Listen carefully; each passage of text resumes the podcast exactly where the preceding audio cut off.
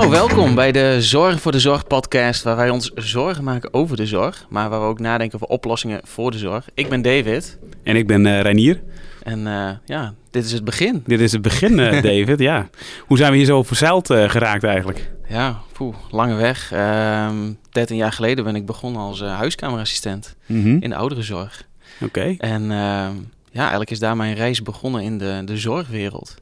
Dus uiteindelijk, uh, ik heb nog in de gehandicaptenzorg gewerkt, uh, de jeugdzorg, uh, dus verschillende sectoren wel gewerkt binnen de zorg, is op mbo-niveau.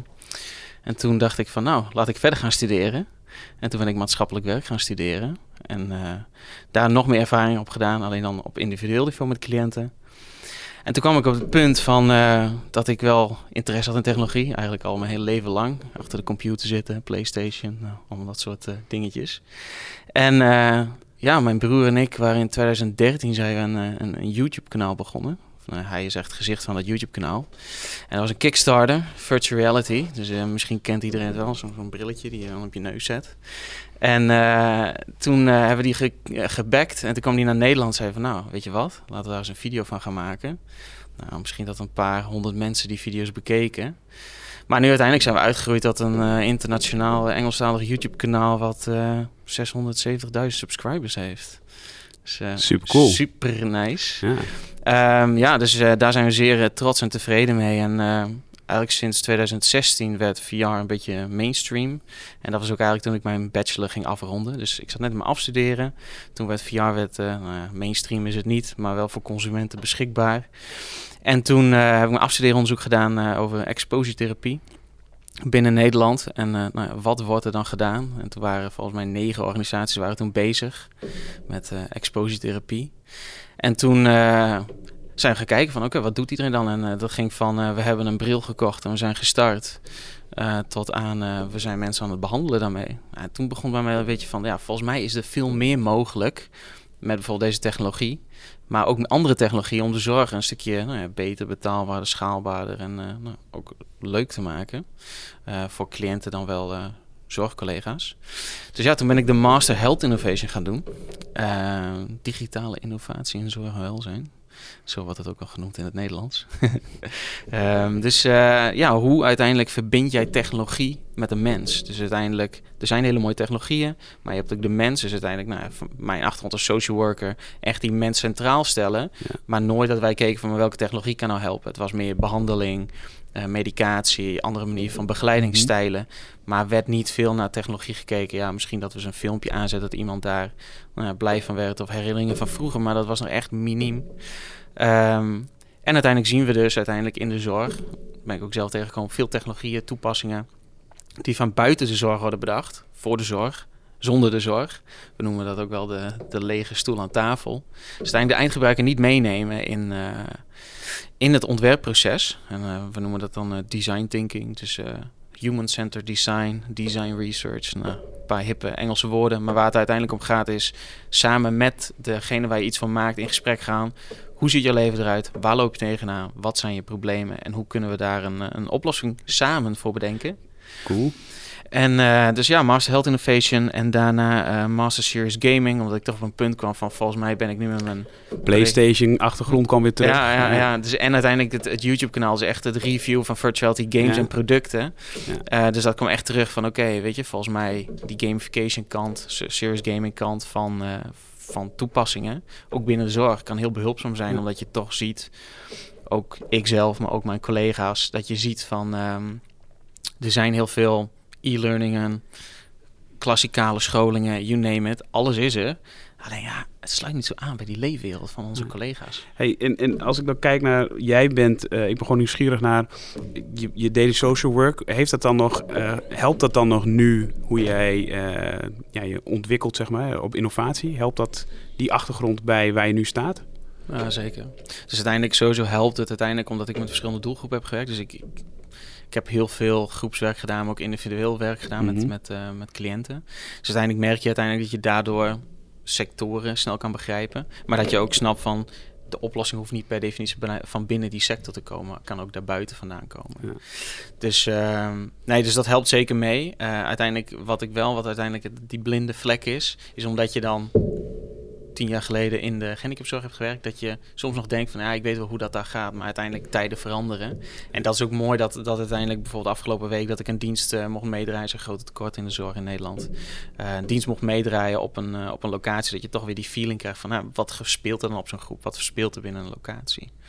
Maar goed, dus dat is een beetje mijn achtergrond. Dus VR, YouTube, gezondheidszorg, dat is een hele bijzondere combinatie. Maar uh, waar kom jij eigenlijk vandaan? Hoe ben jij hier zo vandaan? Ja. nou, ik uh, begon als 17-jarig eh, jongetje uh, eigenlijk bij Defensie. Ik wist eigenlijk niet precies wat ik wilde.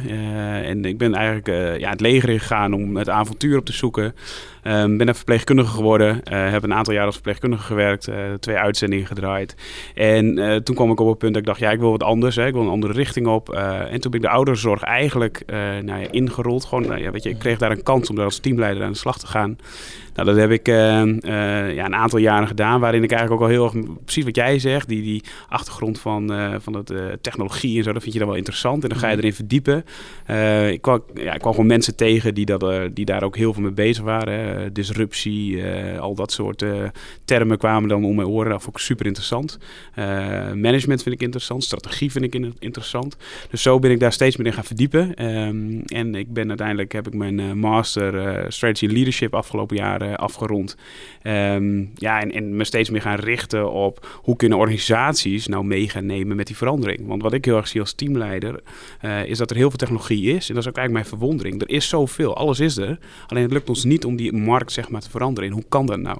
Mhm. En precies wat jij ook zegt, is van we komen met een product en zeggen, nou hier heb je het, een succes uh, met, je, met, je, met het product. Terwijl we heel weinig kijken naar, maar wat vraagt dit nou uh, van die eindgebruiker? Hè? En, en welk ander gedrag is dat? En eigenlijk moeten we ook heel erg meer een beetje filosofisch ook kijken van, maar welke impact heeft bijvoorbeeld technologie op het, op de, het beeld van zorgverleners van hun eigen beroepsgroep? Mhm. Uh, en dat is wel echt een, een ding wat ik zie. En ook een zorg die ik wel heb, is dat we eigenlijk onvoldoende bewust zijn van dat het heel veel impact heeft over hoe mensen uh, hun eigen beroep uitvoeren. Mhm. nou, en ik, ik vind dat een heel belangrijk thema ook, dat we daar veel meer aandacht voor moeten hebben. En, ja, en daar raakt natuurlijk mijn ambitie en mijn, of mijn, ja, ik weet niet hoe moet zeggen, normenwaarden of zo. Eh, want die komen echt bij jou, zeg maar, daarin. Want we hebben allebei dat, dat uh, human-centered, vanuit die mens, vanuit ik wat misschien wat meer vanuit strategie en mhm. vanuit, vanuit organisatiekant, hè, vanuit het mhm. organisatieperspectief ernaar te kijken. Ehm, ja, en, en ja, daarom vond ik het ook wel heel tof toen ik jou ontmoette. Nou ja, ik zat op een skippiebal volgens mij op mijn kantoortje.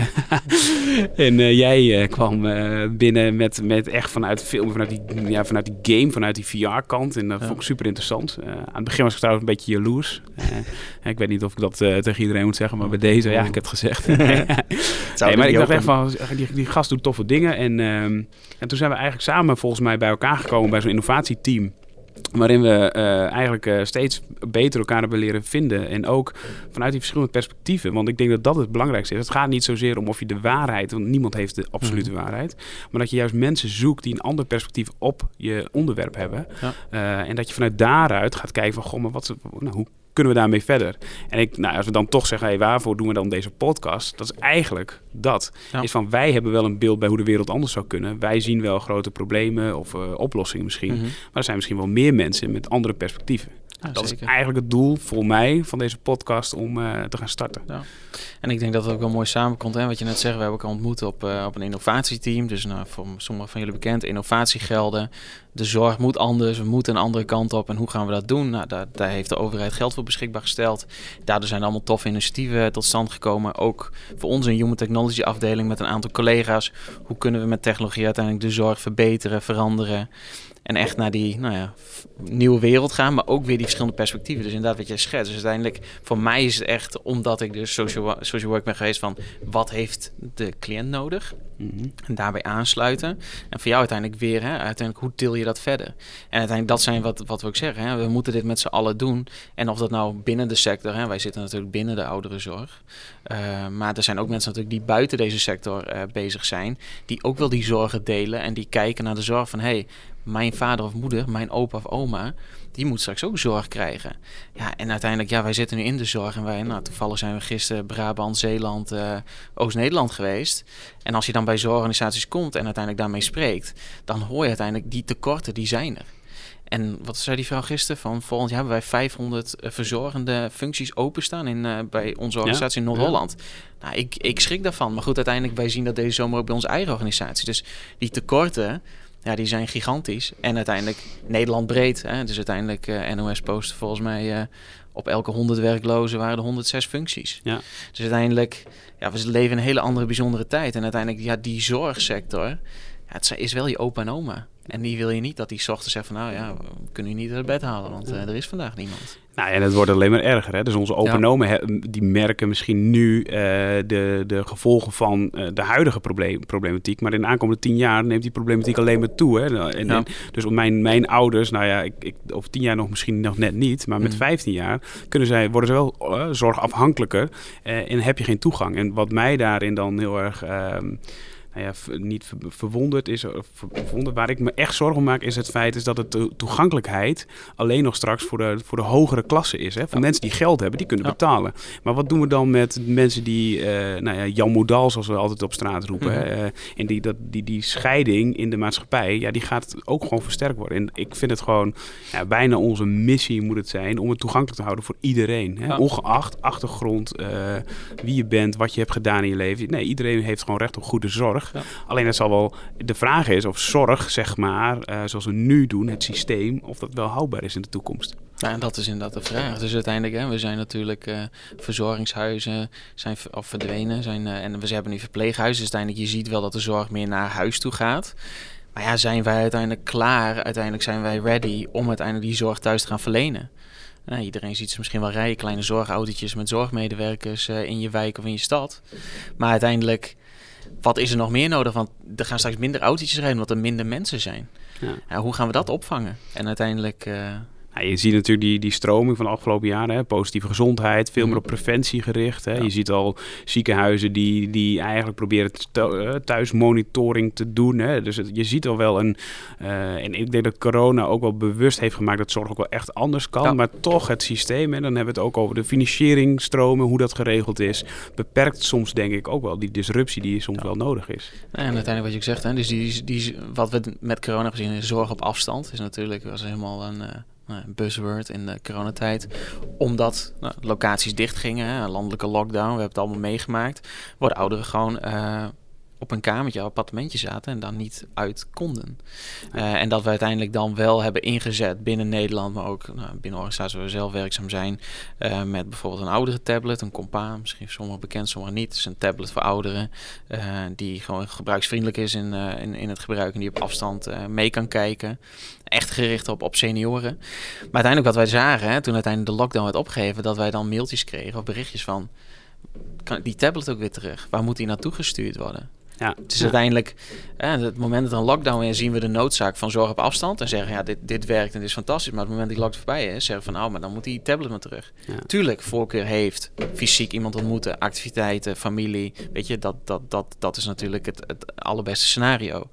Maar uiteindelijk kan dat wel helpen. En als mensen het zien als een soort van tijdelijke oplossing, ja, hoe gaan we dan die veranderingen ja, op uh, gang brengen? Ja, maar dat is ook wat ik zei, die zorgverlener, die heel erg impliciet wil zorgen voor de ander.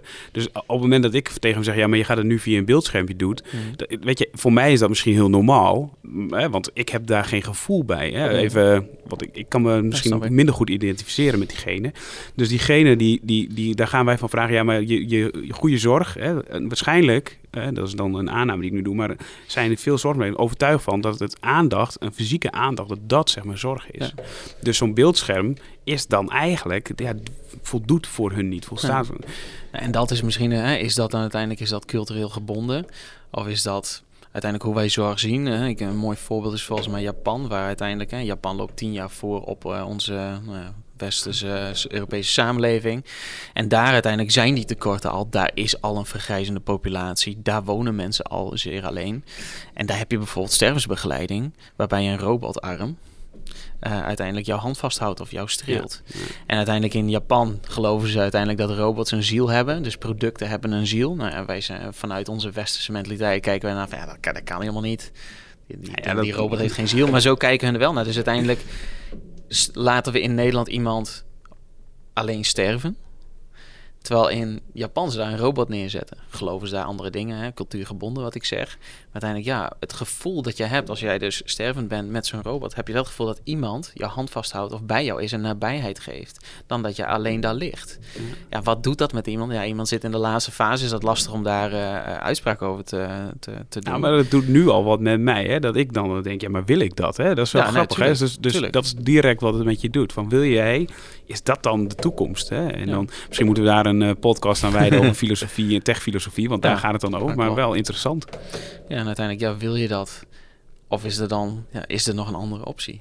En, dat, en dat is dus uiteindelijk waar we nu, als je naar de statistieken kijkt in Nederland, ja, we roepen wel van alles, maar als je kijkt naar statistieken, minder personeel, grote grijze golf, ja, die komt er gewoon aan. En als je naar de, naar de, naar de, gewoon de cijfertjes kijkt, nou goed, ik ben geen cijferman, maar als ik daar naar kijk, dan heb je zoiets van, gaat dit goed komen? Ja. dat zijn echt wel mijn zorgen. Ja. En wat jij zegt voor, voor een, een, een Jan Modaal, uiteindelijk dat zijn mensen uiteindelijk die misschien nu essentiële werkers zijn. Die nu hard nodig zijn. We zeggen, ja, maar dat kunnen we niet zonder. Maar het moment als deze mensen dus oud zijn, dan zeggen van, ja, maar die kunnen niet voor je zorgen. Maar wel mooi dat jij je hebt ingezet voor deze samenleving. Ja. Ja, en, en, als je dat dan schetst, hè, van goh, we zien het wel, dus we, we weten de urgentie hè, of zo. Mhm. Dat, dat, dat, blijkbaar is dat bij iedereen, wie je ook vraagt, iedereen ziet het, eh, zelfs buiten de zorgsector. Maar toch zie ik, als ik kijk naar veel zorgorganisaties, hebben het wel in hun visie of strategie over uh, adaptieve mm vermogen, nou, met een mooi woord, oftewel meer wendbaar zijn. Mhm. Maar je ziet dat niet. Ik zie dat dan vanuit mijn perspectief niet echt terug. Ik zie eigenlijk dat we uh, ja, dezelfde dingen doen in een nieuw jasje. Hmm. Um, ja, hoe zie jij dat dan in de praktijk? Ja, dus uiteindelijk, ik, ik denk, het is sowieso een mindset. En ik denk dat sowieso is dat wel een beetje mens-eigen, denk ik. Dat als jij dingen niet ziet, dan is het er niet. Uh, dus wij, wij, zijn, wij vinden het heel lastig om dingen te anticiperen en te, te, te anticiperen op zaken die wij nog niet zien. Maar op het moment dat het er is, ja, dan, dan, dan is het urgent, moeten we er wat aan doen. Dat is net, net als deze... Met de tsunami is het natuurlijk hetzelfde. Hè? We, zien, we zien, er gebeurt iets. Hè? Mensen lopen zelfs naar het strand toe en dan de golf en dan rennen we weg. Hè? Dat is eigenlijk een beetje de, de, de technologische tsunami en de tsunami die eraan komt op ons. We zien hem wel, maar we weten eigenlijk niet hoe we erop moeten reageren. Dat is eigenlijk wat we dan zeggen. Ja. Nee, dat is uiteindelijk net zoals je nu met uh, klimaatverandering zomer Europa staat in brand en uh, stroomt over. En nu in één keer, nee, maar nu moeten we echt iets gaan doen. Ja. Omdat het nu is, terwijl uiteindelijk twintig jaar geleden werd, het, werd hier al over gesproken. Alleen toen was het nog heel ver weg en een, een ijsbergje wat, smel, wat aan het smelten was. Ja, en nu zijn het uiteindelijk overstromingen, zijn het bosbranden. Van, oh, wat gebeurt hier? En nu moeten we echt gaan, gaan handelen. Ja, en wat gebeurt hier nu dan, zeg maar? Uh, want ik vind het natuurlijk een hele mooie metafoor. In de, wat gebeurt er nu in de zorg? Dat, hebben we ook bosbranden? Wat zijn die bosbranden die dan? Bosbranden, ik denk deze zomer vooral zijn uiteindelijk de personeelstekorten. En uiteindelijk COVID heeft ervoor gezorgd dat medewerkers al boven hun tax of boven hun uren, boventallig moesten gaan werken. Waar wij ook hebben gezien dat hele teams, uh, team van 20 man, waren 18 man uiteindelijk uh, thuis zat met, uh, met COVID. Waarvan twee nog aan het werk waren. Dus uiteindelijk, deze mensen zijn uiteindelijk, ondanks leuk die bonus van Rutte, weet je, zeer dank daarvoor voor die collega's. Maar uiteindelijk die bonus heeft niet gezorgd dat uiteindelijk die werkdruk lager wordt. En wat wij nu ook horen deze zomer, mensen draaien extra uren. En zijn al door COVID was het al best wel zwaar om die extra uren te draaien. Sowieso, samenleving verandert op dit moment. Dus uiteindelijk zie je dat die medewerkers nu in de zomer ja, of nog sneller eruit raken, maar ook dat er gewoon tekorten zijn. En uiteindelijk wat ik dan hoor, is uiteindelijk ook de, de, nou, de jongere generatie. Maar goed, weet je, stigmatiserend. Maar uiteindelijk is een jonge generatie waarmee ik zeg, ja, voorheen had je iemand die vakantiewerk kwam doen. Ja, die stond daar gewoon uh, eh, 50 uur in de week, bij wijze van. Maar nu, het is mooi weer.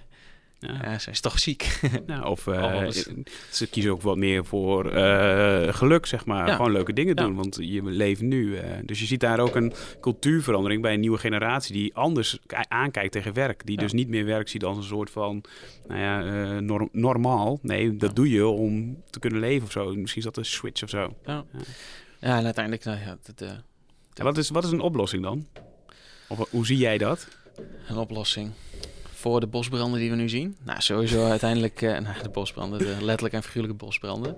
Maar uiteindelijk, de, de, uiteindelijk wat, wat ik dan zie, hè, laten, we, laten we de zomer, hè, we zitten er nog, nou ja, als ik naar het weer kijk, zitten we niet in de zomer. Zitten in de herfst.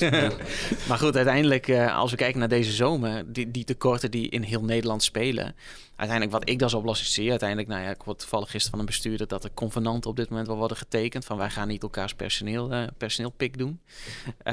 Maar uiteindelijk, wat daar een oplossing voor zou zijn, is uiteindelijk, ja, waarom zitten wij zo vast aan, nee, maar jij bent die organisatie, dit is ons personeel. Ja, maar jij bent die organisatie, dit is ons personeel. En uiteindelijk, dat komt nog uiteindelijk van uiteindelijk dat, hè, Nederland die de verzuiling.